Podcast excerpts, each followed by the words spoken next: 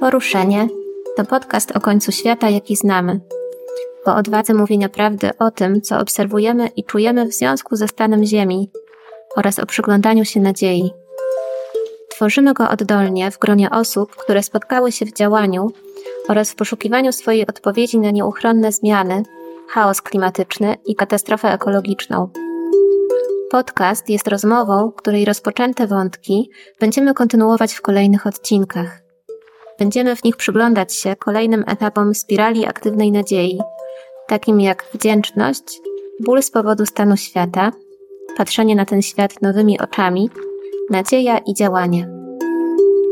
Jeśli chcesz otrzymywać informacje o kolejnych odcinkach oraz o naszych działaniach poza podcastem, możesz dopisać się do newslettera na stronie aktywnanadzieja.org. Zachęcam Cię do zaobserwowania podcastu w aplikacji, z jakiej korzystasz. A jeśli słuchasz nas w Spotify, będę wdzięczna za pozostawienie pięciu gwiazdek i komentarza. Jeśli znajdziesz tu słowa, które uważasz za warte podania dalej, będzie nam miło, jeśli udostępnisz podcast znajomym.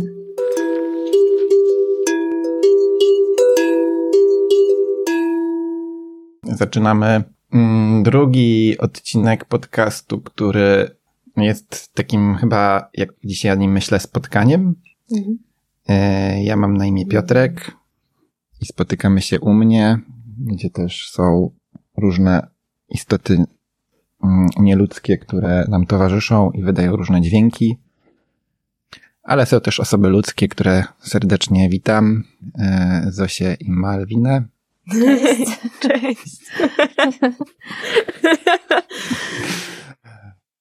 Poprzednią naszą rozmowę i spotkanie e, zaczęliśmy takim powiedzeniem, gdzie jesteśmy na Ziemi.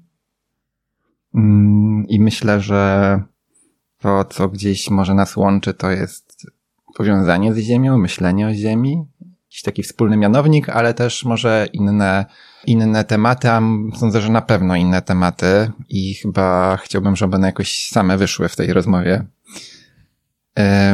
No ja, to może ja zacznę po prostu, że, że was znam z, albo z ruchów klimatycznych i działań. I Zofia, ty się śmiejesz, rezonuje. No albo z, z działań też związanych z, z, z tymi klimatycznymi tematami, ale trochę w innym kierunku i idącymi z kręgów i tu z, e, e, Malwa z tobą. No i, e, i teraz z Malwą e, robimy kręgi aktywnej nadziei i to jest coś, co teraz nas łączy.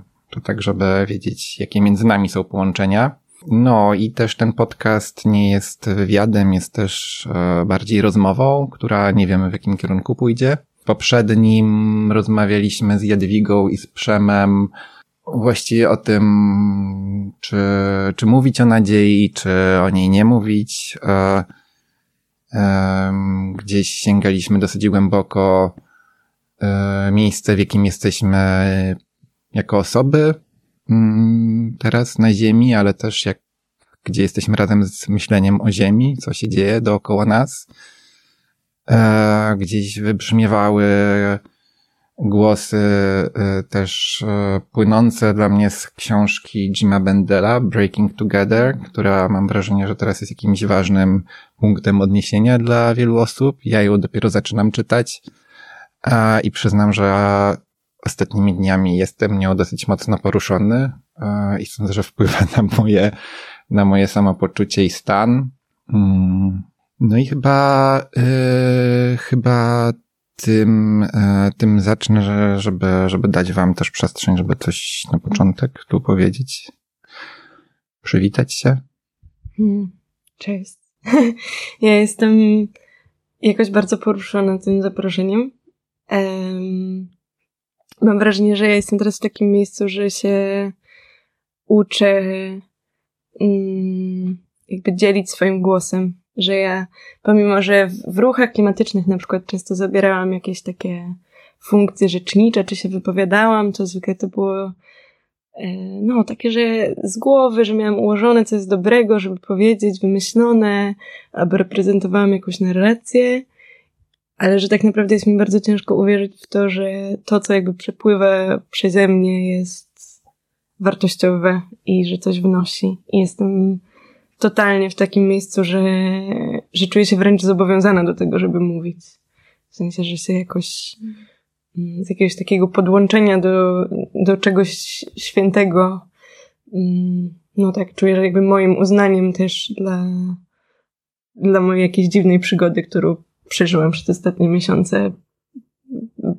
Tak, no, we wchodzeniu w relację w coś, w czymś świętym, mm. że jakimś, um, że jakąś formą służby jest to odważanie się na wypowiadanie tego, co, co we mnie. Ale jest to super stresujące dla mnie cały czas. Um, tak. Więc y, jestem bardzo ciekawa tej rozmowy też i, y, i książki Bendela, o której też mam wrażenie, że słucham cały czas z różnych miejsc. A też jeszcze nie miałam okazji. Um, I ja w ogóle dziś bardzo czuję, że mówię, um, że mówię z Polski. Mm. um, szczególnie, że ja w ogóle powiedziałeś Piotr o tym, że się znamy z ruchów klimatycznych. Ja tak się zaśmiałam trochę z, no, z jakiejś takiej sympatii i rozczulenia w ogóle dla tej relacji i dla tej historii, ale równocześnie mam wrażenie, że to jest w jakiś sposób trochę z mojego poprzedniego życia. Że co prawda to mm, jeszcze pół roku temu razem działaliśmy, mm.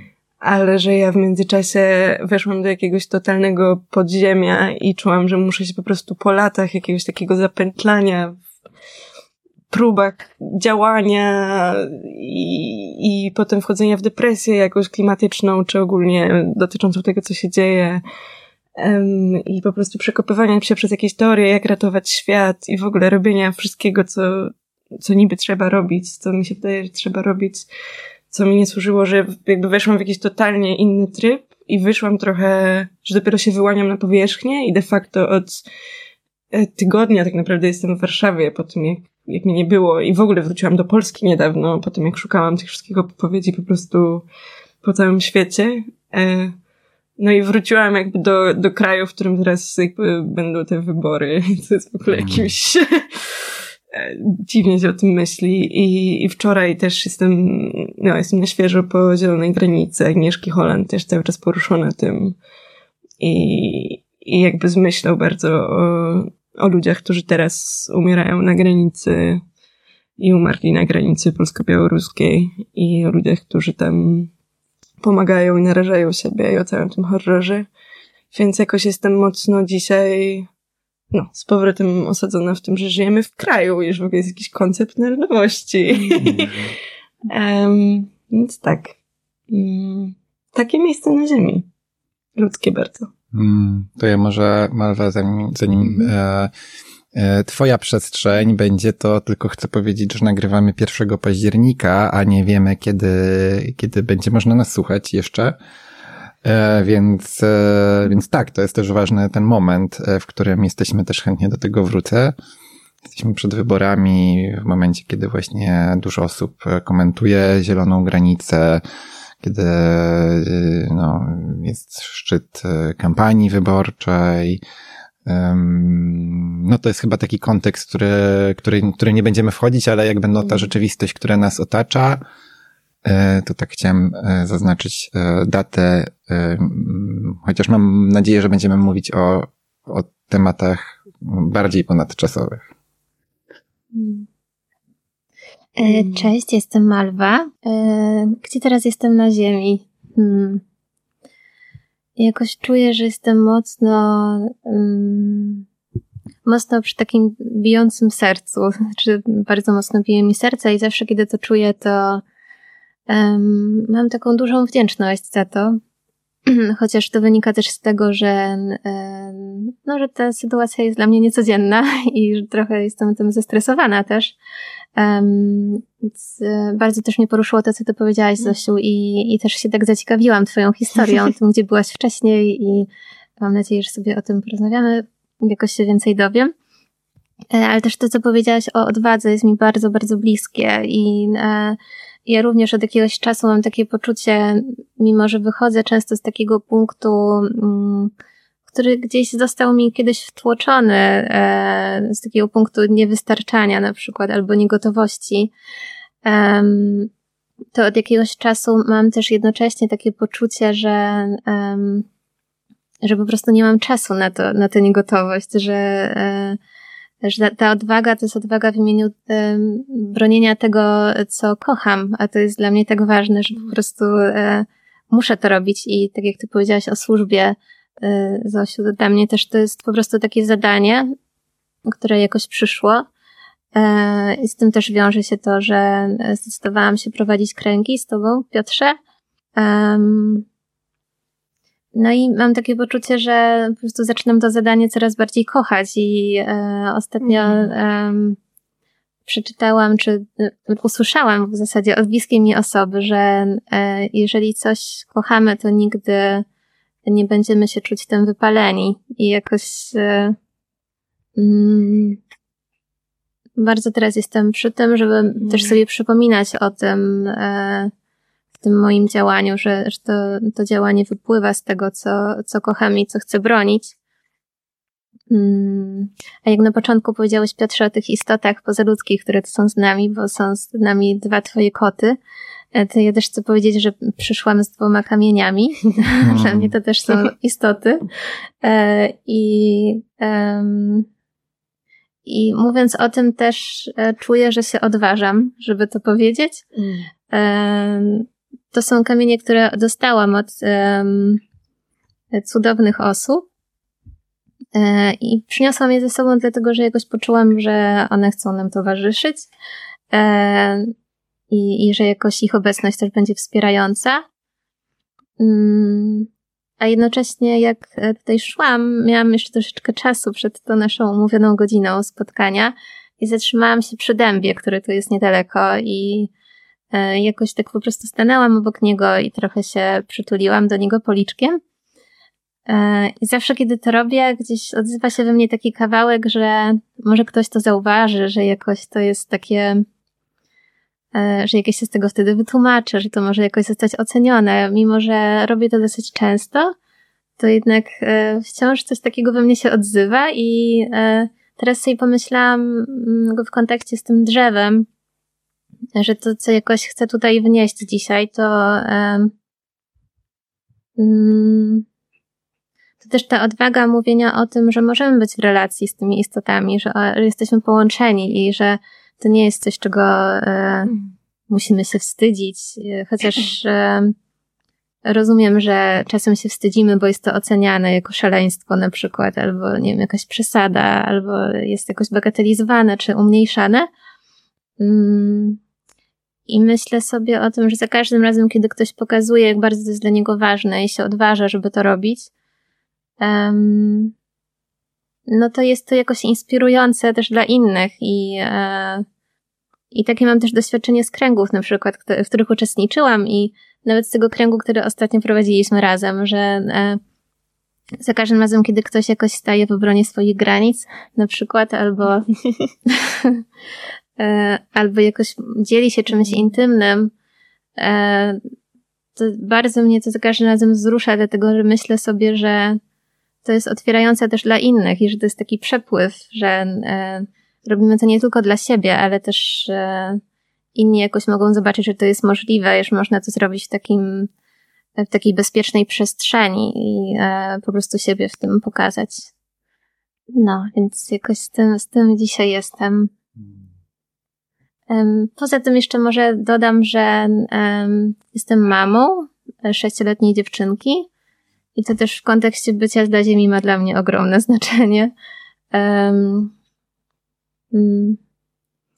I jakoś myślę sobie, że tutaj jest dużo wątków um, w tym temacie i, i takie czerpanie z dziecięcej wrażliwości i z, tak, z takiego naturalnego połączenia ze światem przyrody, które u mojej córeczki obserwuję i od, bardzo dużo się od niej też uczę w tym, w tym jej doświadczeniu świata. E, ale też o takiej odpowiedzialności za świat, który ona, e, w którym ona będzie żyła i e, no i myślę sobie, że dzięki temu, że jestem mamą, dla mnie to jest zupełnie inne postrzeganie, postrzeganie też mojej odpowiedzialności za ten świat. No może to się, może to jest jakiś truizm, ale mm. myślę, że, że to jest taki mocny i ważny dla mnie kawałek. Hmm. Dla mnie to jest w ogóle wielka wdzięczność, że to wnosisz. E, I w ogóle wielka wdzięczność za wnoszenie tych wrażliwości, bo jestem osobą, która bardzo mocno jest w głowie i jakby gdzieś trudno mi jest często no nawet mówić takim językiem większej czułości, wrażliwości, tak zostałem chyba wychowany i też jakąś obawą, obawami i też właśnie czuję, że jestem w takim miejscu, gdzie, gdzie możemy się uzupełniać, gdzie zapraszam jakby do swojego świata różne wrażliwości i też kręgi, o których mówisz, są dla mnie taką przestrzenią.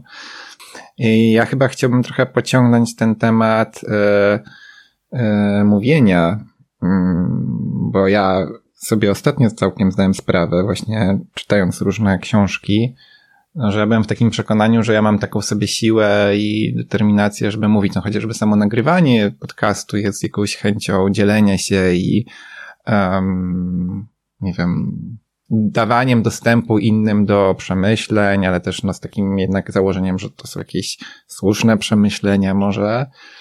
Mm, ale jakoś ostatnio jest we mnie bardzo dużo wątpliwości i Zosia bardzo cieszę się, że, że, że pierwsza jest tak, że możemy być w różnych miejscach, i że ja na przykład teraz jestem w takim miejscu właśnie, gdzie ja jestem bardzo nastawiony na słuchanie i kręgi bardzo mi dają taką przestrzeń, gdzie ja mogę no, nie być jakimś takim głównym głosem, który mówi, tylko być jednym z wielu głosów, ale też bardzo z dużą wrażliwością słuchać, co inne osoby wnoszą, jakby z jakich perspektyw przychodzą, bo mi się wiele rzeczy na przykład wydaje oczywistych, nie potrafię ich nazwać, ale czuję je gdzie jesteśmy, jak oceniamy sytuację, a później się okazuje, że samo taką stworzenie przestrzeni, nazwanie rzeczywistości, która nas otacza, dla wielu osób jest albo nowe, albo wyzwalające i że na to jest tak bardzo mało przestrzeni. To jeszcze chyba y, y, y, chciałbym powiedzieć, że też jesteśmy dla mnie w takim ważnym momencie, gdzie, gdzie, gdzie ja zaczynam, mm, zaczynam albo jestem bardziej, bo, bo to chyba nie jest o tej rozmowie, tylko w ogóle gdzie jestem, jeszcze jest ten koniec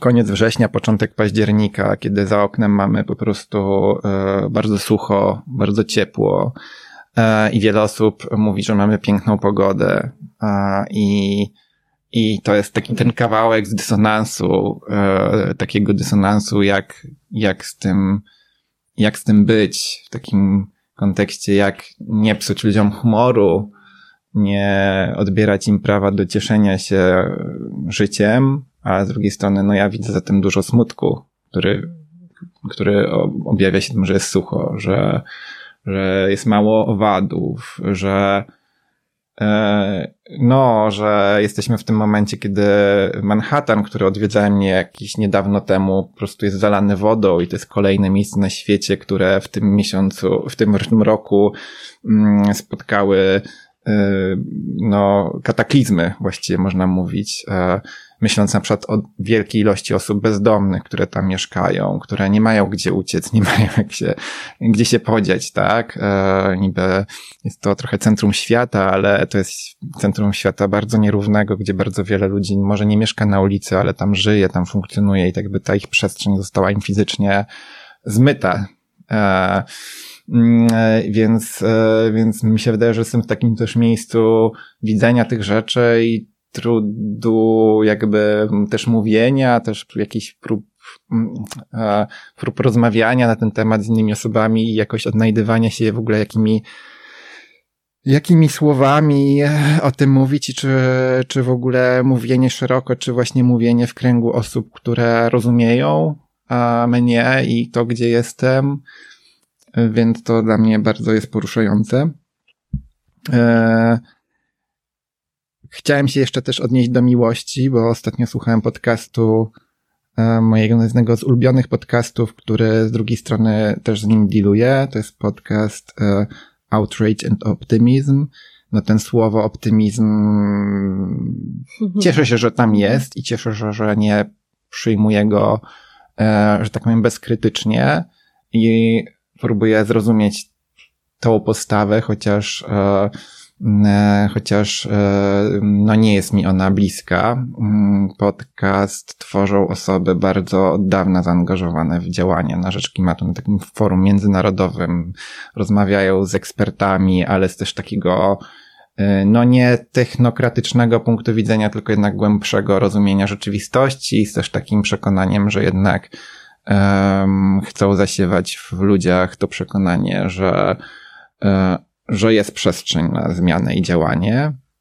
Mm, ale to o tym może kiedyś, kiedyś indziej. Natomiast mm, była tam rozmowa z jednym z jakichś takich guru ekonomii, który próbował badać, e, co za, stoi za postawami ludzi, którzy na całym świecie, którzy w ogóle angażują się w działania proklimatyczne, takim szerokim mianownikiem mówię.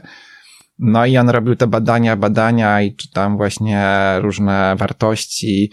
No i doszedł do koń na końcu, że, że jednak miłość jest tą taką wartością, która sprawia, że ludzie w ogóle tym tematem chcą się zajmować. I to było takie wow, bo też, też o tym myślę dużo.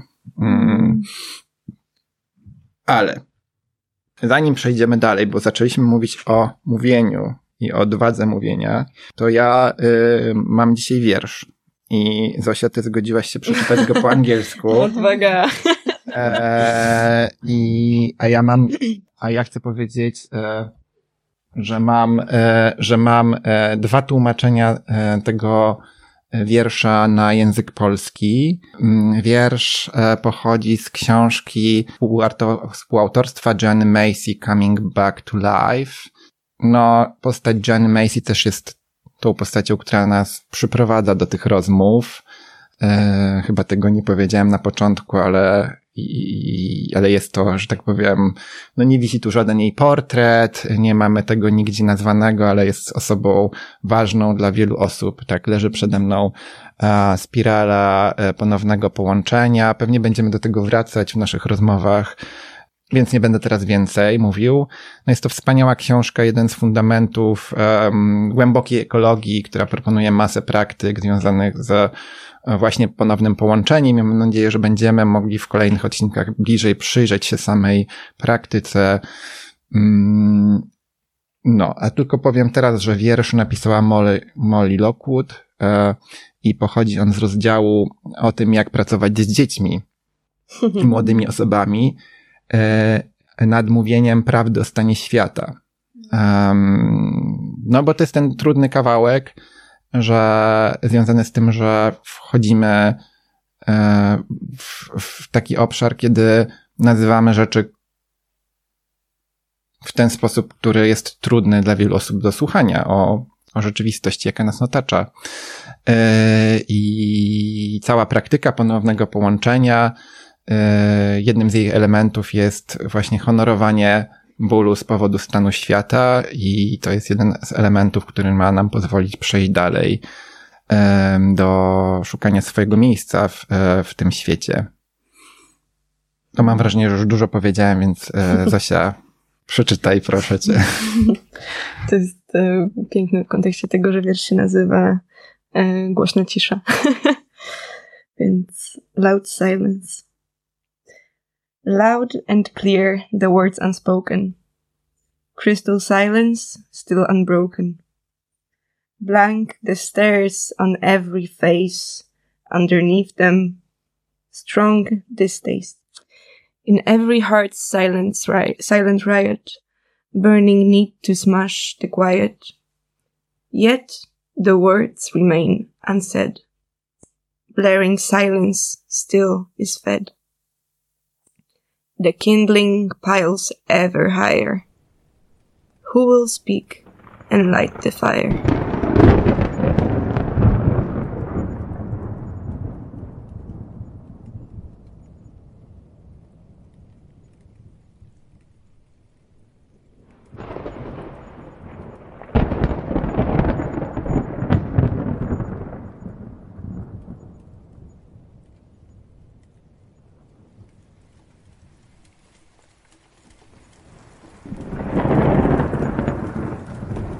Teraz e, zaproponuję jedno z tłumaczeń, które podesłały mi e, znajome osoby. To jest tłumaczenie Patrice Reczulskie, które współtłumaczyło książkę Aktywna Nadzieja Johnny Macy, Chrisa Johnston.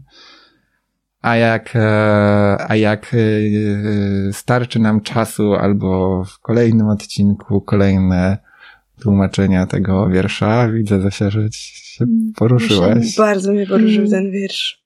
Mm recenzją powiem czemu. To, to, to, to, będę wdzięczny Ci za tą opowieść.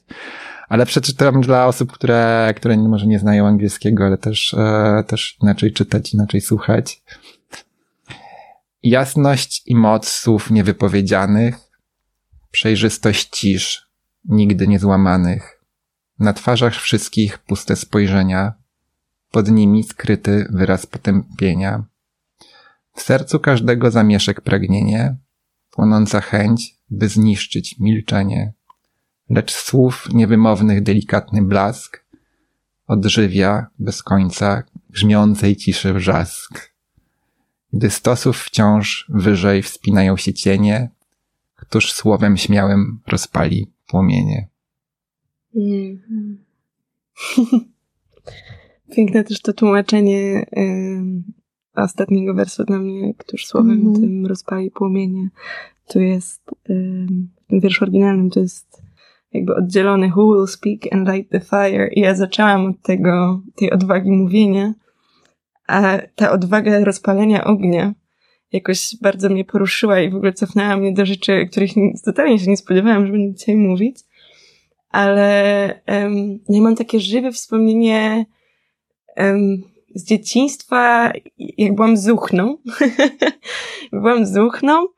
Um, ja miałam zawsze taki strach duży przed wyróżnianiem się, ale któregoś razu na jakimś takim apelu um, już nie pamiętam jak to się nazywa, jakaś taka przewodnicząca chówca chyba mnie poprosiła, żebym właśnie rozpaliła ogień taki symboliczny dla po prostu zgromadzenia kilkuset osób. I ja pamiętam, że ja po prostu wpadłam w totalny atak paniki, który myślałam, że jest o tym ogniu i strachem przed ogniem, ale tak naprawdę był przed tym strachem pokazania siebie i jakby takiego rozbłyśnięcia w tym tłumie. I że ten strach w ogóle przed um, strach przed ogniem i byciem tym ogniem, byciem jakimś światłem um, był dla mnie w ogóle ważnym bardzo motywem um, nie wiem, zeszłego roku całego. E, I jest też dla mnie bardzo powiązane z tym strachem właśnie pokazywania się. No, że ja zawsze miałam wrażenie, że że ogień jest właśnie taki, taki niebezpieczny, jak w ogóle roz, rozpoznawać, kiedy można zapalić ogień, żeby on nie, nie zniszczył wszystkiego dookoła, jak um, dać się prowadzić temu żywiołowi ognia w sobie w jakiś sposób, ale nie dać się mu wypalić, spalić, nie dać temu być destrukcyjnemu, destrukcyjnemu. I w ogóle dla mnie ta symbolika ognia w całym kontekście aktywizmu i zaangażowania um, nie wiem, jest jakaś taka nieskończenie głęboka, że um, no, jakby, że to jest o niesieniu jakiegoś światła, ale z drugiej strony to jest bardzo niebezpieczne i tak, nie, nie umiem chyba tego mm. opowiedzieć jakoś um, w sposób, który byłby tak silny, jak jest to dla mnie to, to wspomnienie tego, tego strachu przed um, pokazywaniem tego ognia, przekazywaniem tego ognia dalej, ale um, bardzo się zaprzyjaźniłam z ogniem mm. w ostatnim czasie. Mm. I no, mm. nie wiem chyba więcej co powiedzieć. Bardzo mnie poruszyło ten ostatni wiersz.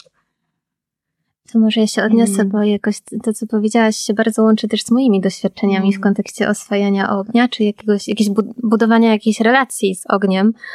E, I, I też to, co powiedziałaś o niesieniu światła, bardzo w tym roku też we mnie się budowało. E, I tutaj mm, niesamowicie istotne y, od samego początku wydawało mi się połączenie tego zadania, bo to też jest jakieś zadanie dla mnie, e, z taką głęboką pokorą. I myślę sobie, że mm, dla mnie też to nie było łatwe, żeby się zdecydować na to, że, żeby jakoś e, mm, być taką osobą, która mówi, czy chce jakoś przetrzymać przestrzeń, e, albo gdzieś mówić z, z odwagą e, o tym, co, e, na co się nie zgadzam, na, na przykład w kontekście też podejścia do przyrody. Ja osobiście przez wiele lat bardzo podziwiałam aktywistów, którzy jakoś czułam, że robią dużo więcej ode mnie w tym temacie, a jednocześnie ja nie miałam odwagi, żeby się na to zdecydować. I myślę sobie też o tym teraz w kontekście mm, w kontekście tego no właśnie, takiej też wiary w siebie, w to, że nas stać na to, żeby to światło nieść e, w takiej formie, w jakiej nasze kompetencje czy możliwości nas w to wyposażają.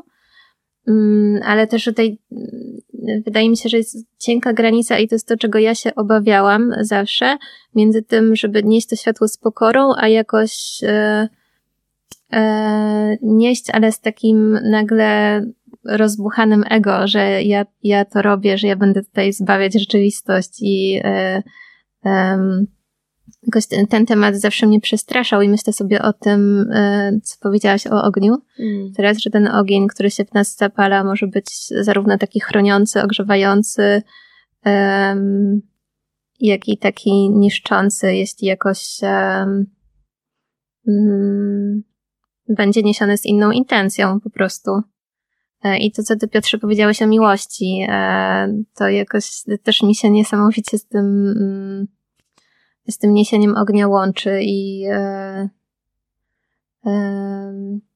dla mnie miłość do, tej pory, czy do niedawna, to, mm, to zwykle było czy nawet nie uczucie, tylko takie bardziej działanie, które się wiązało z, z ochroną, z taką subtelnością, delikatnością. E, a niedawno e, przyszło do mnie, przyszedł do mnie taki zupełnie inny odcień tej miłości, takiej miłości walczącej i e, właśnie z takim ogniem w tle.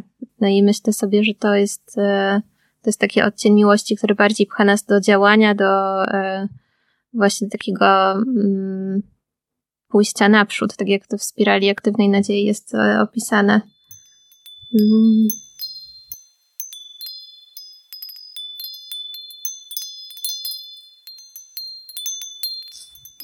Ja bym chyba chciał pójść w kierunku źródeł tego ognia, albo źródeł tej walczącej miłości, jak to pięknie nazwałaś, bo myślę sobie, że i to, to, to o czym też mówi Jana Macy w, w swojej jakby całej koncepcji, że są różne miejsca, w których możemy uzdrawiać świat, nasze relacje z Ziemią, no ale że takim punkt, jednym z punktów, dla wielu osób punktów wyjścia, yy, który prowadzi do spalenia się jest to takie, no coś, to niektórzy nazywają walką, to nie pamiętam dokładnie, jak Joanna Macy to mówi o tym takim stawianiu oporu, yy, stawianiu tamy, zniszczeniu, często związane z narażaniem własnego zdrowia, mm. byciu obecnym ciałem, gdzieś na proteście, na blokadzie, no ale e, też, też to, co jest piękne, to co ona mówi, że są inne miejsca, gdzie można um, być, gdzie można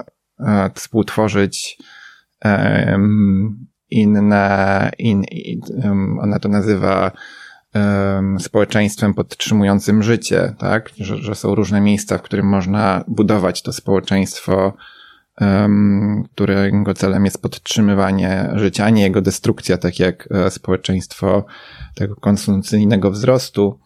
Mm, ale to jest ciekawe, że, że tam w te, w te miejsce dochodzi się różnymi drogami. Ty Zosia zaczęłaś o tym mówić, e, że przeszłaś jakąś taką e, swoją długą drogę.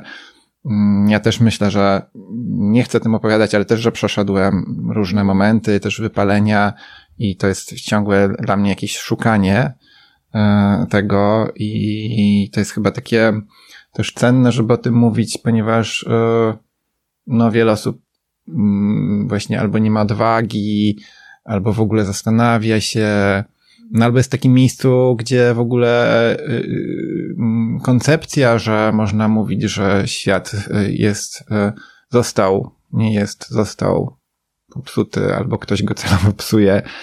No, że jest jakby też takie odkrywcze wyrwanie się z tego takiego pędu e, życia e, w takim business as usual, że to jest dla niektórych w ogóle moment jakby wejścia i takiego mm, zastanowienia się, ej, ale może to wszystko, co robimy, to trochę nie ma sensu. Mm, więc ja bym chyba chciał, e, chciał gdzieś, e, mm, gdzieś pójść w tym kierunku i myślę sobie o spirali. E, no, spirala dla mnie jest miejscem, które można zaczynać w różnych, w różnych, w różnych momentach.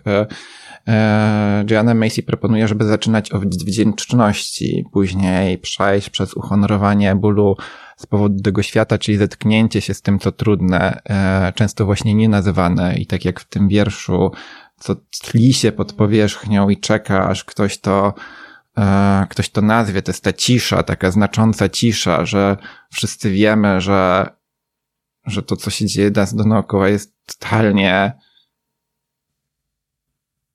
nawet mi brakuje często słów, jak to nazywać, żeby też nie, no żeby być adekwatnym, że, że to idzie po prostu w bardzo złym kierunku. Mm.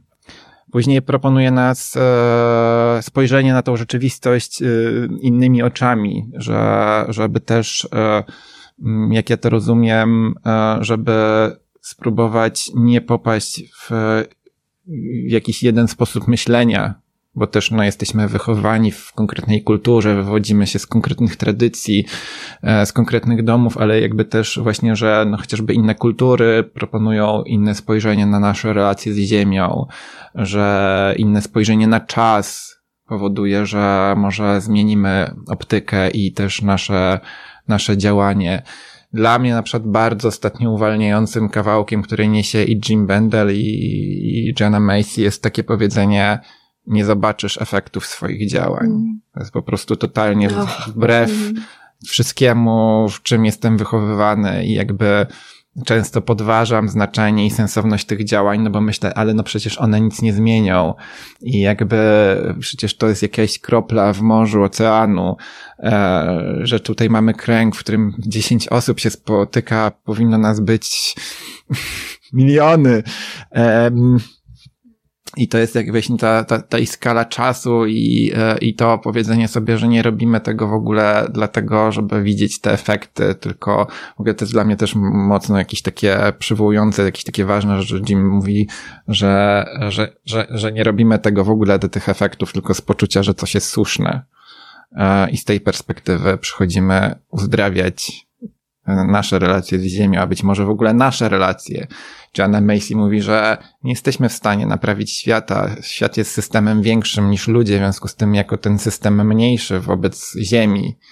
Nie mamy na niego wpływu, mamy wpływ na to, jak my jesteśmy, tak? I że naprawiając nasze relacje możemy próbować e, e, zrobić coś większego. E, no i wreszcie pójście naprzód, czyli, e, czyli, czyli, e, no, to, o czym na przykład wy mówicie, odwaga, żeby mówić, której być może wcześniej nie mieliśmy, albo zaangażowanie się, albo właśnie transformacja miłości z miłości opiekuńczej na miłość walczącą. Dla mnie to też jest mm. chyba też o tym. też się zawiera opieka dla mnie, tylko już ma inny po prostu, hmm. no, nabiera takiego innego odcienia, bo, bo pod tą miło miłością walczącą też jest hmm. taka intencja zaopiekowania. E, tylko już w takiej bardziej odważnej, odważającej się formie. Takie to mm. czuję. I chcę tylko jeszcze skończyć moje zdanie i, i, stworzyć tu przestrzeń na wasze wypowiedzi, bo czuję, że dużo mówię. E, I, I dlaczego też to warto robić? To właśnie też z Jima Bendela.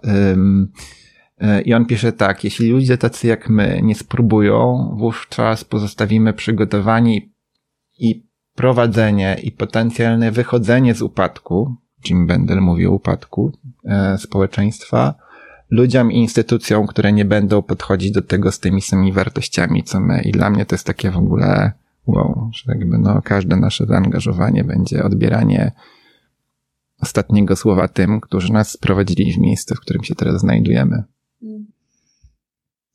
Ja bardzo jestem z z tym pójściem naprzód i z tym, jaki to jest przywilej wiedzieć, gdzie iść. Mm. I że właśnie jest ten ogień, jest ta miłość i ta troska o świat, ale to jest tak trudne w całej tej, w całym tym walącym się jakby super złożonym systemie, znaleźć jakiekolwiek miejsce, w którym można się poczuć adekwatnie.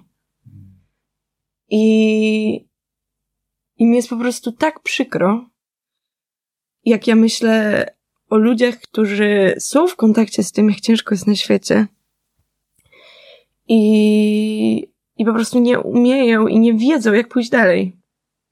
Um, tak, bo no ja mam takie przekonanie też po jakiejś swojej drodze właśnie, no ja studiuję socjologię z filozofią.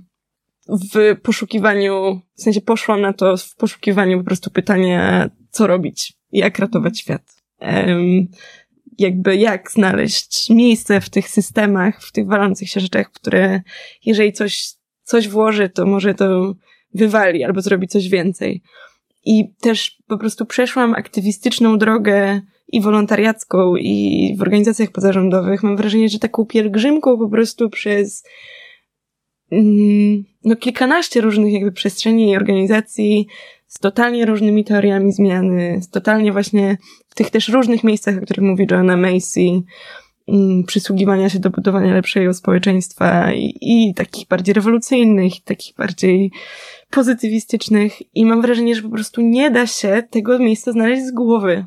Hmm. Że rozkminiając, co jest potrzebne i co działa, ja po prostu ciągle kończyłam w takim poczuciu nieadekwatności, że ja, no tak, widzę, że to jest ważne, co robię, ale że nie czuję, że działam w zgodzie ze mną, że słucham tego ognia właśnie. I, i tak też jakby mówiliście o tej, o tej odwadze, o tej miłości, i ja jestem mocno z tym, jak dużą odwagą jest to, żeby na jakiś czas wyjść z tego działania dla świata, żeby po prostu pobyć z tym pytaniem, gdzie jest moje miejsce. Mm. Um, no, jakoś. Um, wydaje mi się, że, że u Macy ja to czasami słyszę, jakby to było takie oczywiste, że jakby kończysz, przechodzisz przez tę spiralę i, i wiesz co dalej. Ale to no nie wiem, w sensie dla mnie to było jakieś po prostu, to jest pytanie mojego życia tak naprawdę. Um, co z tym, jak uhonorować ten ból dla świata i jak siebie wnosić.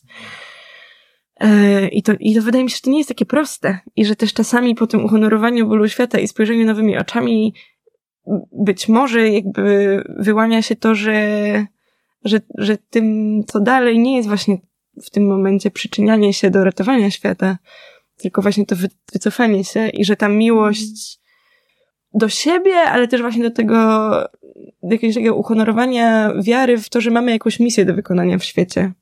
Że to jest też wielka odwaga. Jakby skierowanie tej miłości do środka, a niekoniecznie cały czas mm. karmienie tym świata. I na przykład dla mnie to było to jakby nasz w dużej historii aktywistycznej robienia rzeczy, które ludzie uważają za odważne. To dla mnie najodważniejszą rzeczą było wyjście z tego na, mm. na parę miesięcy i to wielkie poczucie winy, że ja nic nie robię, że potencjalnie marnuję swój czas, um, który mogłabym za, jakby zaoferować światu. Ten strach przed oceną też po prostu mojego środowiska, mojej społeczności, która jest w gruncie rzeczy aktywistyczna, oceny, że ja w tym momencie się nie przydaję po prostu. I no, i jakby z tym, z tym życzeniem odwagi i, i miłości i słuchania tego ognia właśnie jestem bardzo przy tych osobach, które, które to wszystko czują, ale nie wiedzą, co z tym zrobić. I, mm. I zastanawiam się, czy wy na przykład wiecie, czy, jo, czy Joanna Macy ma na to jakieś odpowiedzi, albo jak wy doświadczaliście w, w tych praktykach bycia w spirali tego pytania, mm co dalej. Co dalej. No, mhm. bo to w, no, mhm. nie jest takie oczywiste chyba. No mnie jakoś mocno poruszyło to, co powiedziałaś o tym, że odwaga to czasami takie zadbanie o siebie, takie zatrzymanie się i jakoś zmierzanie się z poczuciem winy, z tymi trudnymi emocjami, które do, do nas przychodzą wtedy. Mm. Dla mnie jakoś ostatnio takie rozluźniające w jakimś sensie to było, jak e, przeczytałam o tym, e, z czym często wydaje mi się, że się mierzymy jako ludzie, kiedy próbujemy gdzieś wpuścić do naszej świadomości to, co się ze światem dzieje w tym momencie, e, a mam na myśli e, takie odrętwienie czy apatię i Mm, I e, wspominałam o tym zresztą na ostatnim kręgu, na którym też byliście, że to słowo apatia, ono samo w sobie etymologicznie oznacza niecierpienie i to jakoś też mocno dla mnie się konfrontuje z tym, że w jaki sposób e, często ten nasz stan oceniamy właśnie tak jakoś e, mocno krytycznie, czy nie wiem, jakoś, jakoś no tak bardzo ostro w stosunku do siebie. E, tymczasem wydaje mi się, że to jest taki stan, który wynika z tego, że po prostu nie mamy narzędzi do tego, albo nie potrafimy E, pomieścić w sobie e, tych emocji, które do nas przychodzą, kiedy zatrzymujemy się nad tym, nad tym całym cierpieniem świata, w, który, w którym jesteśmy niejako zanurzeni, moim zdaniem. I, I kiedy o tym sobie myślę, to jakoś łatwiej mi jest przyjąć taką pozycję łagodności do siebie. Tak spojrzeć na siebie jako osobę, która szuka sobie na to sposobu, żeby to pomieścić, mimo że to jest bardzo trudne. Um, no i też jakoś mocno jestem przy tym, co ty Piotrze powiedziałeś o tym, że e, być może nie zobaczymy efektów naszych działań. Mm. I to mi się mocno łączy z takim pytaniem, czy to, co ja robię, w ogóle ma sens? czy, mm. e, czy, to, czy to nie jest za mało po prostu? Czy, czy to cokolwiek zmieni? I ja z tym pytaniem się często spotykam kiedy mówię, że na przykład my organizujemy kręgi aktywnej nadziei i słyszę, że, um, że konfrontuję się z pytaniami, czy w ogóle co to zmieni, że spotykamy się, żeby pogadać o losie planety i co to w ogóle wnosi.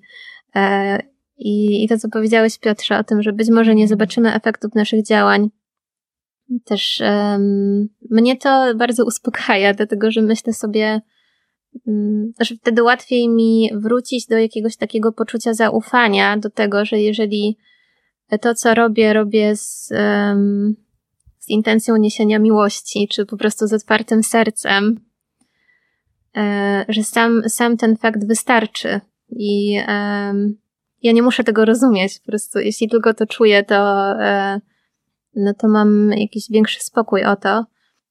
Mm, kiedy się czuję jakoś e, częścią czegoś większego i myślę sobie, że to, co ja wnoszę, to być może wystarczy, to, e, no to sprawia, że łatwiej mi pójść naprzód i jakoś też um, wyjść z tego punktu e, rozpaczy czy paniki, której też doświadczam. Hmm. Bardzo dużo e, splatających się wątków. Splatających się mówię nie, nieprzypadkowo, bo jednym z obrazów um, um, przedstawiających moment, który jesteśmy w takim raporcie uh, Great Unraveling, czyli tego takiego myślenia, w jakim miejscu jest świat. I to jest różnie tłumaczone upadek, kryzys, rozpad, jest rozplatanie się bo to też jest jedno z tłumaczeń. Mam wrażenie, że tutaj czuję takie próbę e, za, za, za, zacerowania jakiegoś kawałka, te, że, te, że te wątki się splatają. Mm, no i one się dla mnie splatają w ten sposób, że jakoś mocno e, wybrzmiało mi to, że ja właśnie podchodzę do wielu rzeczy z głowy i jakby jestem w jakiejś drodze, bo też zadawałaś to pytanie, gdzie, gdzie jesteśmy, mm, gdzie jesteśmy w, w, w rozumieniu tej praktyki. Ja, ja y, się definiuję w ten sposób, że jestem e, nowicjuszem w tej praktyce, że ja ją celowo w sobie postanowiłem w życiu, jak chyba nigdy wcześniej, tak na poważnie coś świadomie przejść, dając sobie na to czas i przestrzeń. E, I jak ja myślę, że, że ta praktyka może być takim, nawet bym powiedział, um, um, czymś, co niesie szybką pomoc. To znaczy, na zasadzie y, jestem w stanie chaosu, rozedrgania, siadam, przechodzę przez spiralę i czuję, że to gdzieś mnie zaprowadza, że to jest z takiego poziomu w tym momencie, w tym momencie chaosu trochę porządkowania. Natomiast myślę sobie, że właśnie spirala, i ja też na początku w ogóle nie rozumiałem, spirala brzmi jakoś duchowo, enigmatycznie, że, że, że, że, że dla mnie jest to właśnie ta przestrzeń możliwości wchodzenia wię- głębiej, że może to być y, codzienna myśl, ale to może być, tak jak w moim przypadku, proces rozłożony na czas od e, jednej e, jednej zmiany pory roku i prowadzić mnie przez dwie kolejne, tak? Że, że, że zdecydowałem się jesień i zimę mm, temu przeznaczyć. E, i dać sobie przestrzeń na wejście głębiej. I, I nie mam odpowiedzi na to na razie pytanie. Będę je szukał.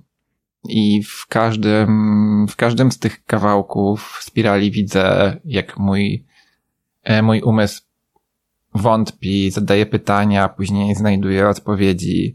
Patrzenie nowymi oczami może być też takie, mm, na zasadzie, ej, ktoś nam powie, że że no właśnie, gdzieś coś się udało osiągnąć i gdzieś jacyś ludzie dobrzy chronią las. I pytanie, czy to jest ten kawałek, który chcę widzieć, czy chcę widzieć jeszcze coś głębszego, jakby o właśnie, od, że, że na całym świecie są działania ludzi, którzy robią coś z poczucia głębokiego połączenia, jakby nie z takiego próby naklejania plastrów na rozpadającą się rzeczywistość, tylko jakby robienia tego w jakimś głębszym połączeniu, rozumienia swojego miejsca w świecie.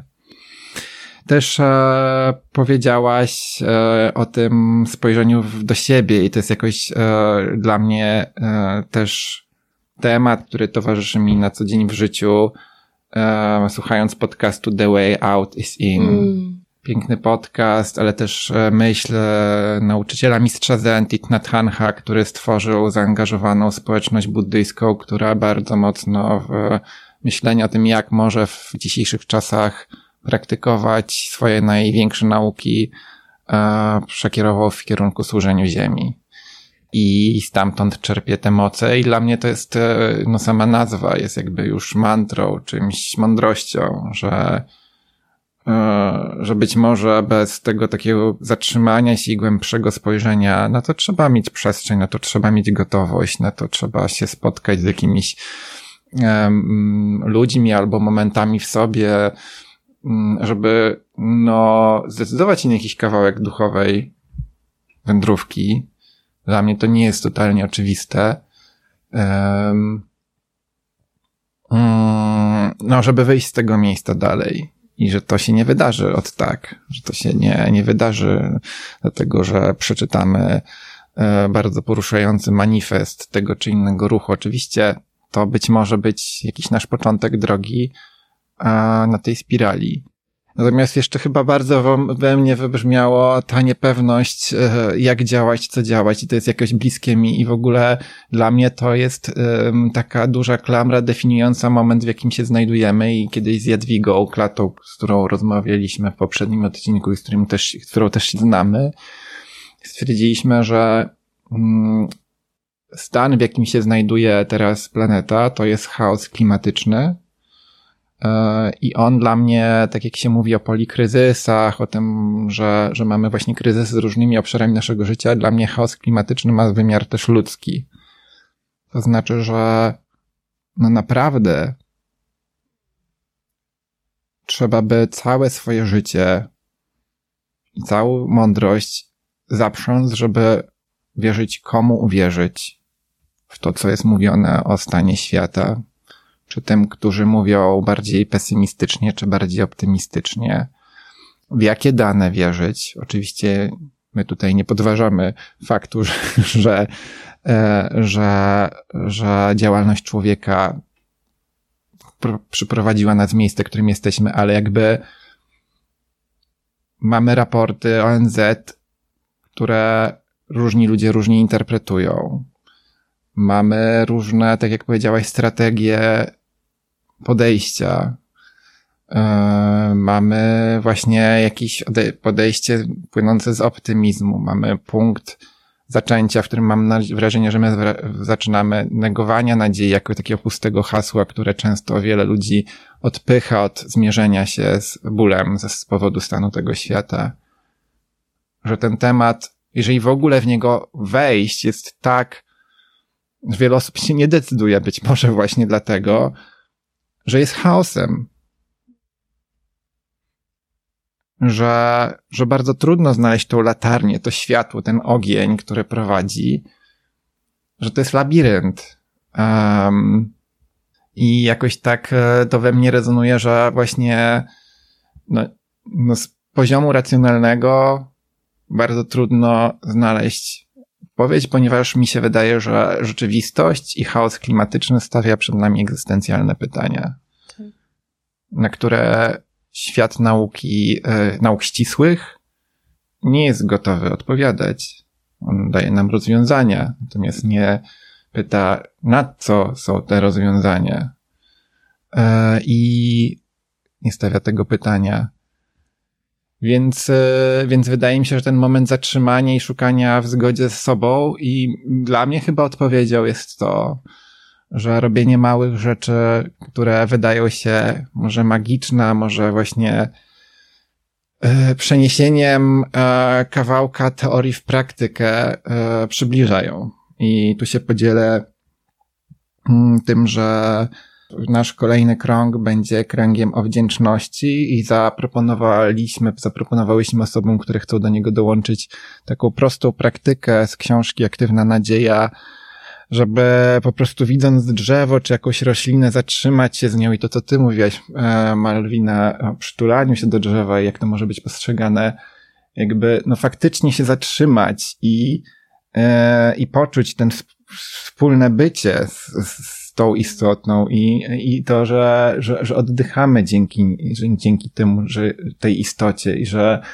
że jest jakiś wspólny rytm. I no ja, no i dla mnie to jest takie wychodzenie z, z świata właśnie wiedzy, z świata teoretyzowania o tym, czym jest wdzięczność, e, czym są te wszystkie praktyki, bo ja bardzo rzadko daję sobie taką przestrzeń, żeby zacząć faktycznie praktykować, żeby faktycznie wyjść i to zrobić. I to, teraz odchłaniam taki swój kawałek miękkiego brzuszka, bo właśnie bardzo dużo siedzę w głowie, bardzo dużo siedzę w książkach I oczywiście chodzę do lasu i czuję, ale często tam rozmawiam z kimś, często jestem ze swoimi myślami, mm, często jestem z podziwianiem albo ze smuceniem się, natomiast takiego poszukania jakiegoś prostego kontaktu i właśnie e, ostatnio wracając rowerem przez las, właśnie stwierdziłam, że no znajdę to swoje drzewo i zatrzymam się pod nim i, i pobędę chwilę z nim i to, no,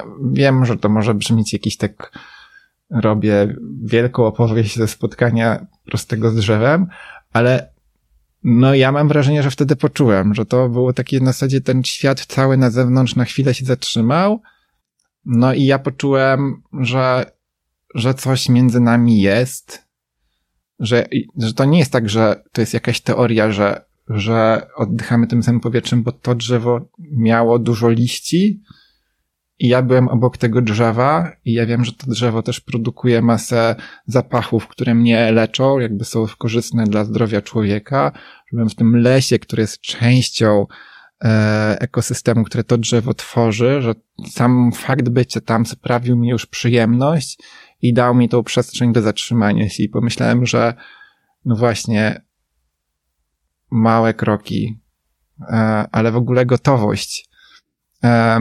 I to też jakoś mocno mi rezonuje w tym, co powiedziałaś, Malwa, ty, że, mm, że, że być może nasze działania, mm, ja też często mam to myślenie, no niewiele zmieniają, nie, nie ciągniemy za sobą tłumów. Mierzę się z tym, jak nauki Jenny Macy, która od dziesięcioleci działa na rzecz planety, yy, w Polsce są tak niszowe, tak, że y, że no ten ruch ekologiczny tu istnieje od lat 80. i oczywiście są ludzie, którzy po to sięgali, ale że to nie jest, że, że to nie jest coś, o czym ludzie rozmawiają. I tak sobie myślę, wow, gdzie my jesteśmy.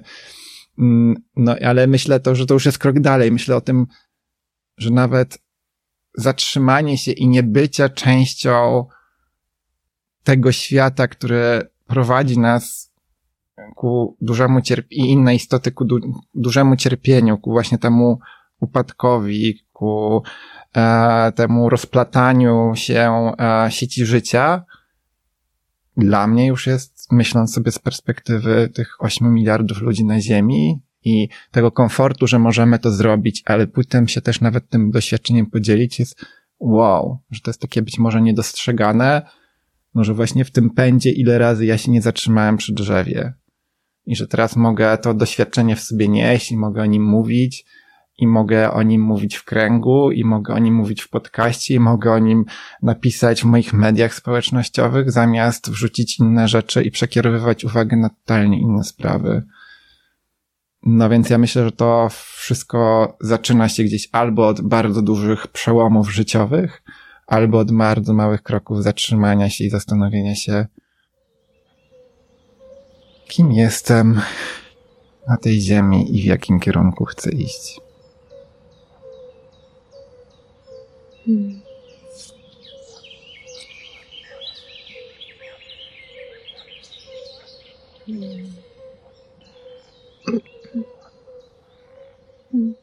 To może ja powiem, że e, jak opowiadałeś o tym spotkaniu z drzewem, e, mam jakiś ogromny szacunek do tego, że o tym opowiadasz i dla mnie to absolutnie nie jest jakieś małe, tylko właśnie no, dla mnie to jest ogromne spotkanie i e, cieszę się, że to tutaj wnosisz.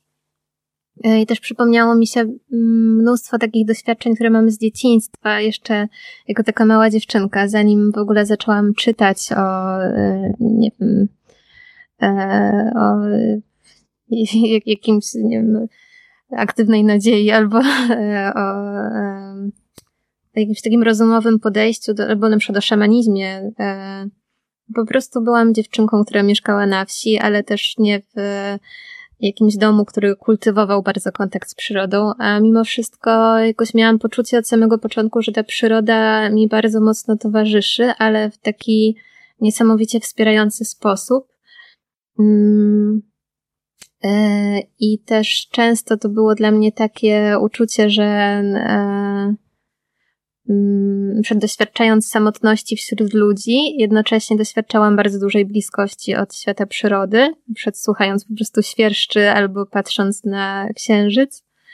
E, I teraz jak powiedziałaś o tym drzewie, to też skojarzyło mi się to z właśnie z naszą samotnością w tym świecie i pomyślałam sobie, że decydując się na to, żeby pogłębić ten kontakt z naturą, e, też mamy szansę czuć się po prostu mniej samotni i mm, nie tylko czerpiąc z relacji międzyludzkich, mm. ale też e, sięgając po to wsparcie, które e, mamy w innych istotach i które naprawdę jest.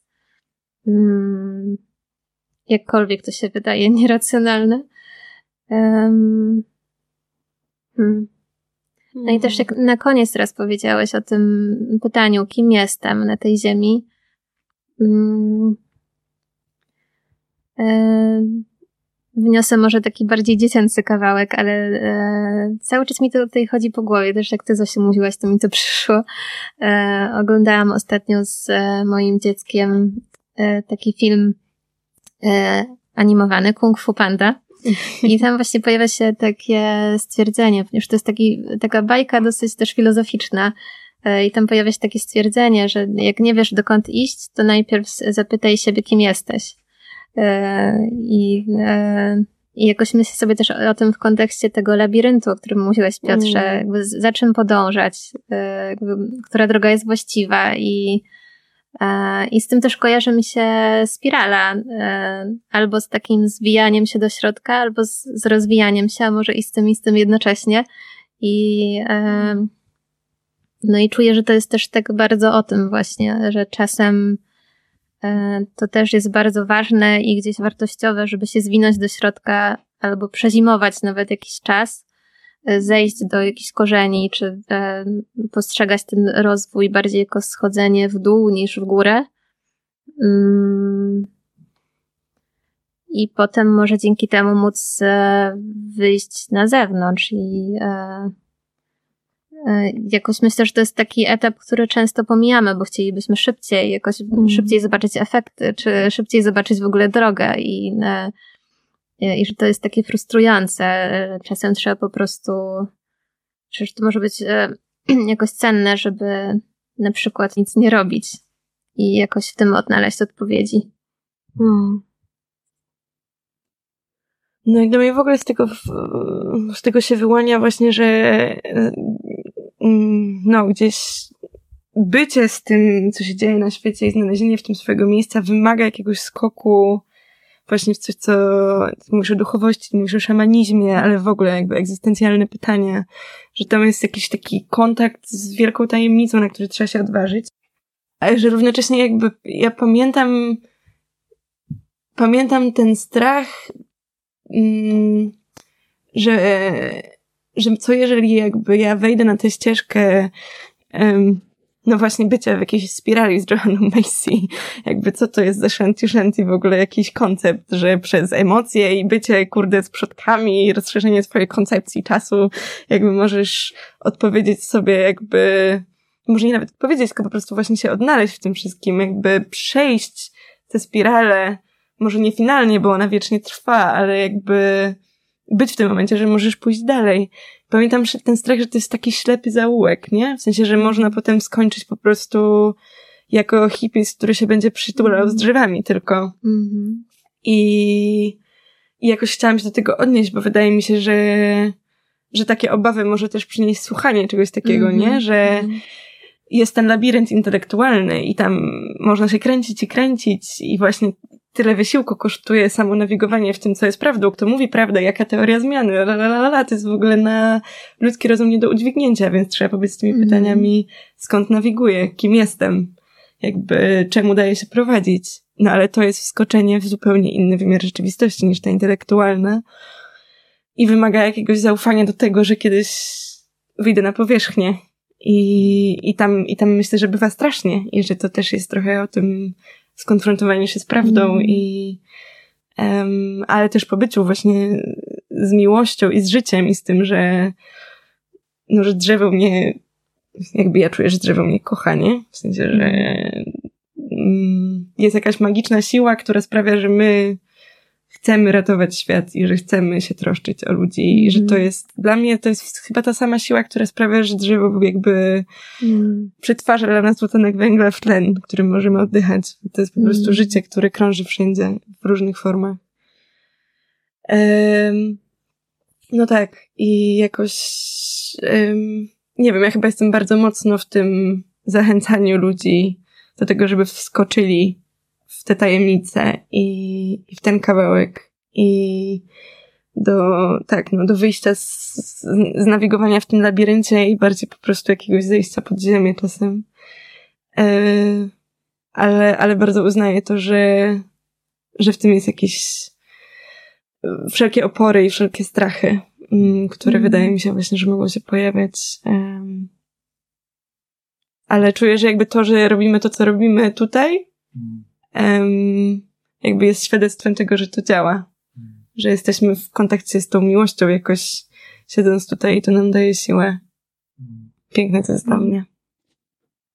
No, przychodzi mi do głowy pytanie, to po tym, co powiedziałaś, yy, i też po drodze, którą przeszłaś, yy, gdzie z twojego doświadczenia jest yy, furtka do tego przejścia, albo okno, przez które można tam chociażby zajrzeć, albo nie wiem, innej szukam metafory, ścieżki, na którą można wkroczyć yy, i zdaję sobie sprawę, że pewnie nie ma jednej i każdy musi znaleźć swoją, ale ale, ale to jest jakieś takie pytanie, które, które mi, yy, bo ja nie znam tutaj odpowiedzi. Yy, też mi się wydaje, że właśnie spirala jest też tym, że z każdego jej miejsca można można właśnie z, z szamanizmu, z patrzenia innymi oczami, że można z, z działania e, zastanawiać się i co dalej, e, i skąd ja dalej będę czerpał, czerpała siłę, bo czuję, że już e, i dlatego też spirala jest postrzegana też jako jedna z praktyk regeneracji, bo żeby właśnie nie być tylko w, w, w braniu tego, co moje do zrobienia i robieniu, tylko poszukania mocy, zatrzymania, że jest miejscem właśnie punktu wyjścia z, z, z, z konfrontowania się z tym bólem i, e, i, i pomyślenia, że dalej jest jeszcze jakiś kawałek spojrzenia na ten ból, chociażby w inną, z innej perspektywy. Więc to jest to, to moje pytanie, ale też użyłaś słowa, które dla mnie było znaczące i trochę o tym rozmawiałyśmy w poprzedniej rozmowie i to się gdzieś przewija ratowanie świata. No bo dla mnie to są takie grube odpowiedzi na pytania, um, no taką szeroką drogę, którą kryczymy, bo każdy może swoją ścieżką, albo to światło, które nam przyświeca i dla mnie to jest jakaś taka też nowa bardzo perspektywa czy my chcemy ten świat ratować, czy my chcemy go uzdrawiać, czy my chcemy uzdrawiać nasze relacje z tym światem. No, tak jak rozumiem, wiele osób mówi, tego świata się nie da uratować, a może chodzi o to, że się nie uda, nie da uratować um, społeczności, e, jako te, też z tego społeczeństwa, które teraz tak wygląda czy inaczej, a nie chodzi o świat. No i pytanie świata, że raczej chodzi, prawda, o ziemię. I mi chyba najbliższa ostatnio metafora, jaka przychodzi do głowy, yy, czy naprawiać, bo ratować, naprawiać. Yy, I ja się często zatrzymuję nad słowami. Nie wiem, czy to dobrze, czy źle, ale jakby dla mnie te słowa mają po prostu duże, duże znaczenie i sam mam wrażenie, że często bezwiednie używam pewnych po prostu takich, do których jestem przyzwyczajony. Jak ja sobie teraz myślę najbardziej jakąś metaforą, która, która do mnie przemawia, to jest tak, że Um, to jest jakieś też bliskie temu, że, że jakiś czas temu umierała moja babcia i była w hospicjum i co można robić w taką sytuacją. E, I ja sobie myślę, że, że gdzieś może, no nie jest to jeszcze ten etap, ale że, no ale może jest, e, że ja nie wiem właśnie w chaosie, że jest bardzo chora istota, która jest dla mnie bardzo ważna. I czy co ja chcę ją teraz naprawiać, czy ja chcę ją teraz ratować, czy chcę ją towarzyszyć, czy ja chcę mm, trzymać ją za rękę, czy chcę uśmierzać jej ból, czy chcę, e, czy chcę, no, czy będę dosypywał, że tak powiem, soli w czyjąś ranę, czy będę bardziej myślał, jak przyłożyć okład, który będzie coś, e, coś łagodził. E, I że to być może nie jest do naprawienia, bo bo naturą wszystkiego jest przemijanie i rodzenie się na nowo, natomiast jakby to jest, e, ja nie mówię jak, jak jest, tylko jaką ja mogę wobec tego zająć pozycję, mogę to wyprzeć, mogę powiedzieć, to jest dla mnie za trudniejsze, za trudne, nie będę się mierzył ze śmiercią, chodził do hospicjum, bo przecież tam jest bardzo trudno. Mm, ale mogę powiedzieć, ale to jest część miłości być tam i mierzyć się z tym. No i to jest właśnie nie o tym, kogo tam spotykam do końca, bo tu każdy może nazwać inaczej i jaką relację mieliśmy wcześniej, dobrą, złą, tylko o tym, jakim ja nastawieniem do tego podchodzę i jak ja będę znajdował sobie siłę i gdzie będę szukał um, źródeł siły. Pamiętam, jak pierwszy raz przed pójściem do tego po hospicjum naprawdę musiałem przesłuchać parę podcastów, żeby zastanowić się, jaką ja tam nastawię, jakim ja nastawieniem idę, czy żeby komuś mhm. powiedzieć, że będzie dobrze? No przecież wiem, że nie będzie dobrze. E, co ja chcę przekazać? Jaki ja chcę tam być? I jakoś, e, jakoś mi jest to doświadczenie takie, mm, no może najbliższa po prostu w tym momencie. Taka na przekładając na ludzki język, alegoria że, że to chodzi o to, o, o to moje nastawienie do, do, do strasznych rzeczy, które się dzieją na świecie. No.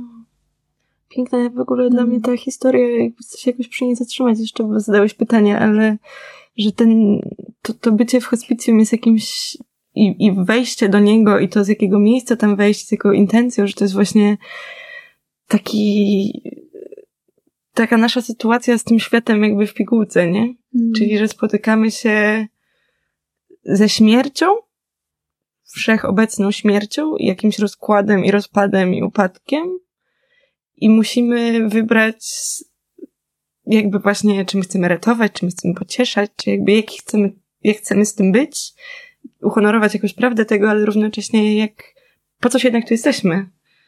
I, i po co ja tu jestem? I jestem ciekawa, jak to się dalej potoczyło. Z jakiego miejsca tam szedłeś i jak, jak zdecydowałeś, z czym tam mm. chodzisz. Co się zadziało u ciebie? Chyba nie chciałbym nie mam tak dobrego pamięci tamtego Mm. miejsca, nie chciałbym go trywializować w tym momencie, to czegoś wymyślić na, pocieszy, na, na, po, na poczekaniu. E, więc chyba, chyba na razie nie, nie Mm. pójdę tam. A, tak, ale to chyba bardziej chodzi mi o to, o w ogóle to, to pomyślenie, że, że, że, że, że my mówimy o życiu w ogóle i to jest dla mnie chyba też taki fundamentalny kawałek em, zmiany języka, że my nie mówimy o technologiach, że my nie mówimy o emisjach, że my nie mówimy o panelach słonecznych, tylko że my mówimy o życiu.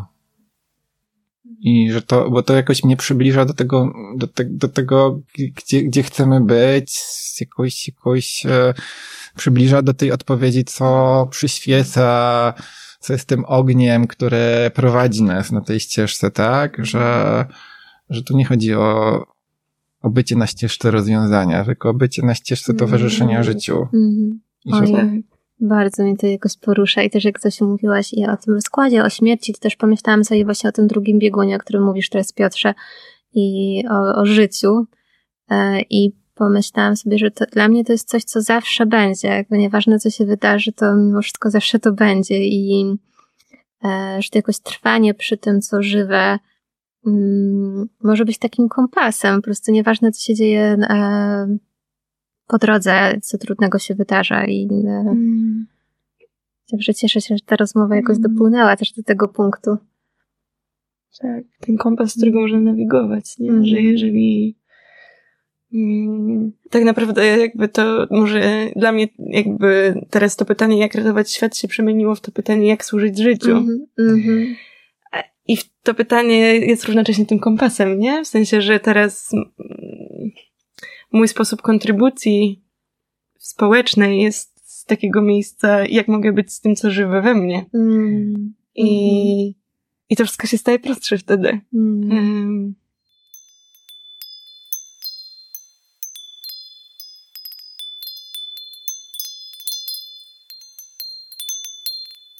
Jak użyłeś takiego sformułowania, Piotrze, że jesteśmy w jakimś labiryncie, e, do tego dobrałam taki labirynt myśli, różnego rodzaju rozwiązań, nie wiemy za czym podążać, to przyszło do mnie, mm, przyszła do mnie taka praktyka, e, którą też znam dzięki Robertowi Rientowi. To jest praktyka przymierza z umysłem. E, I być może to jakoś w ogóle mm, zabrzmi, e, nie wiem, trochę e, jak szalona propozycja, ale, em, ale mnie to bardzo wsparło w wielu momentach, kiedy czułam, że jakoś z tym umysłem się zmagam, że, że muszę walczyć z myślami, które wcale mi nie sprzyjają. Mm, To jest taka praktyka zatrzymania się, takiej próby porozmawiania z tym swoim umysłem, ale ona rozpoczyna się od takiego pytania do umysłu, czy, czy ty mnie kochasz? I takiego zatrzymania się tej przestrzeni, takiej próby poczucia tej odpowiedzi. I do mnie wtedy jakoś mocno dociera, że, e, że to jest tak, że mój umysł zawsze, niezależnie od tego, w jakiej formie to robi, on chce mnie wspierać i podtrzymywać przy życiu. Też a, a propos tego, o czym rozmawialiśmy przed chwilką.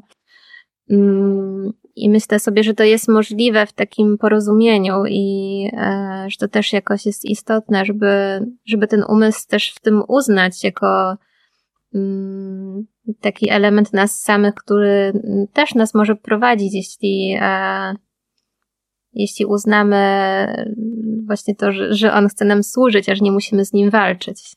Więc e, jakoś nie tylko to schodzenie głębiej do jakichś zakamarków duszy dla mnie tutaj Mm. jest ważne, ale e, mm, też takie zatrzymanie się nad tym, że z jakiegoś powodu jesteśmy ludźmi, że mamy, mamy też dzięki temu uprzywilejowaną pozycję. Możemy, możemy dzięki umysłowi też dużo więcej rzeczy zrobić niż na przykład istoty, które są w tym momencie od nas w dużej mierze zależne. Więc ta, taki wątek też mi się tu mm, rozwija na propos spirali. To ja chyba tylko na szybko odpowiem, bo jest takie zdanie, które nie wiem kto powiedział i kiedyś mam nadzieję, że je odnajdę autora albo autorkę, które otwiera bardzo dużo, moim zdaniem. I to zdanie brzmi, że nas, nasz umysł nie został stworzony po to, aby zrozumieć ten świat.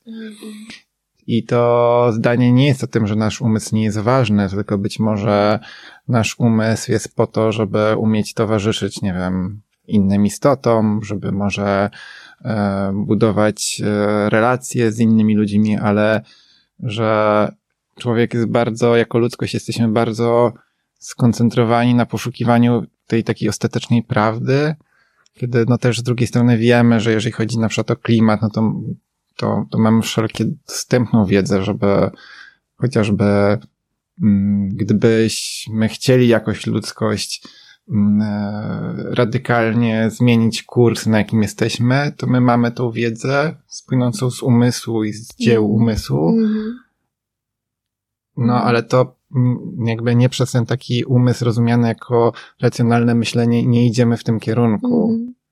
Więc to, że to właśnie to poszukiwanie najlepszego rozwiązania, no my je mamy i że być może trzeba się zastanowić, że tu nie chodzi o umysł, że tu chodzi właśnie o serce, tak? Mhm. tak A może takiej- połączenie A może umysłu, połączenie. ducha i ciała na przykład. Tak, więc, e, więc to jest tak mi zawsze rezonuje, że, że, że, że być może takie właśnie e, to, to zdanie przypomina mi, żeby nie, że, że właśnie, żeby, żeby trochę tam odpuścić, żeby trochę poszukać gdzieś indziej niż odpowiedzi, niż tylko, tylko w umyśle, ale zatrzymaliśmy się w jakimś takim e, wcześniej chwilę, w takiej, w takiej rozmowie, gdzie doszliśmy do jakiegoś ważnego momentu, a zbliżamy się powoli do końca naszej rozmowy i wiem, że Zosia, ty masz wiersz. Mm, mam. Ja mam e, kawałek, który tak jakoś mi się wydaje adekwatny z e, Johnny Macy, więc może przejdźmy, Mm, przejdźmy tam. Mm, piękny. Tak, dla mnie w ogóle właśnie chciałam powiedzieć, że mm, jakąś taką klamrą jest dla mnie to, że doszliśmy do takiego kawałka w ogóle o życiu i o tym, że to jest jakaś taka pierwotna w ogóle siła, rzecz, coś o czym musimy myśleć, czego języku musimy mówić, co stoi za, za wszystkim i że dla mnie to też jest właśnie o tym, że ten umysł jest potrzebny i trzeba mieć z nim jakąś relację i zapytać się o to, jak, jak on może służyć temu, co żywe, ale Mhm. nie służyć umysłowi, tylko właśnie um, dać się nawigować z innego miejsca, a wiersz jest chyba trochę o tym dla mnie. Nie wiem, chyba jest o wszystkim. Absolutnie jest przepiękny i też chciałam powiedzieć, jakoś go uhonorować, zanim go przeczytam, że przyszedł do mnie ten wiersz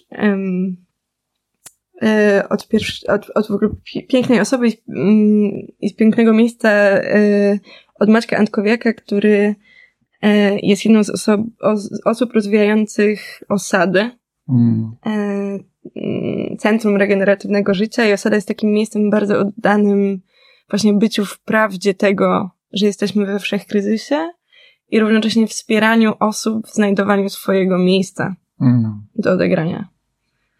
Em, więc jakby też się cieszę, że mogę uhonorować to miejsce czytając ten wiersz od, od, od tego miejsca.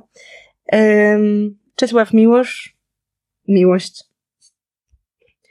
Miłość to znaczy popatrzeć na siebie tak, jak się patrzy na obce nam rzeczy.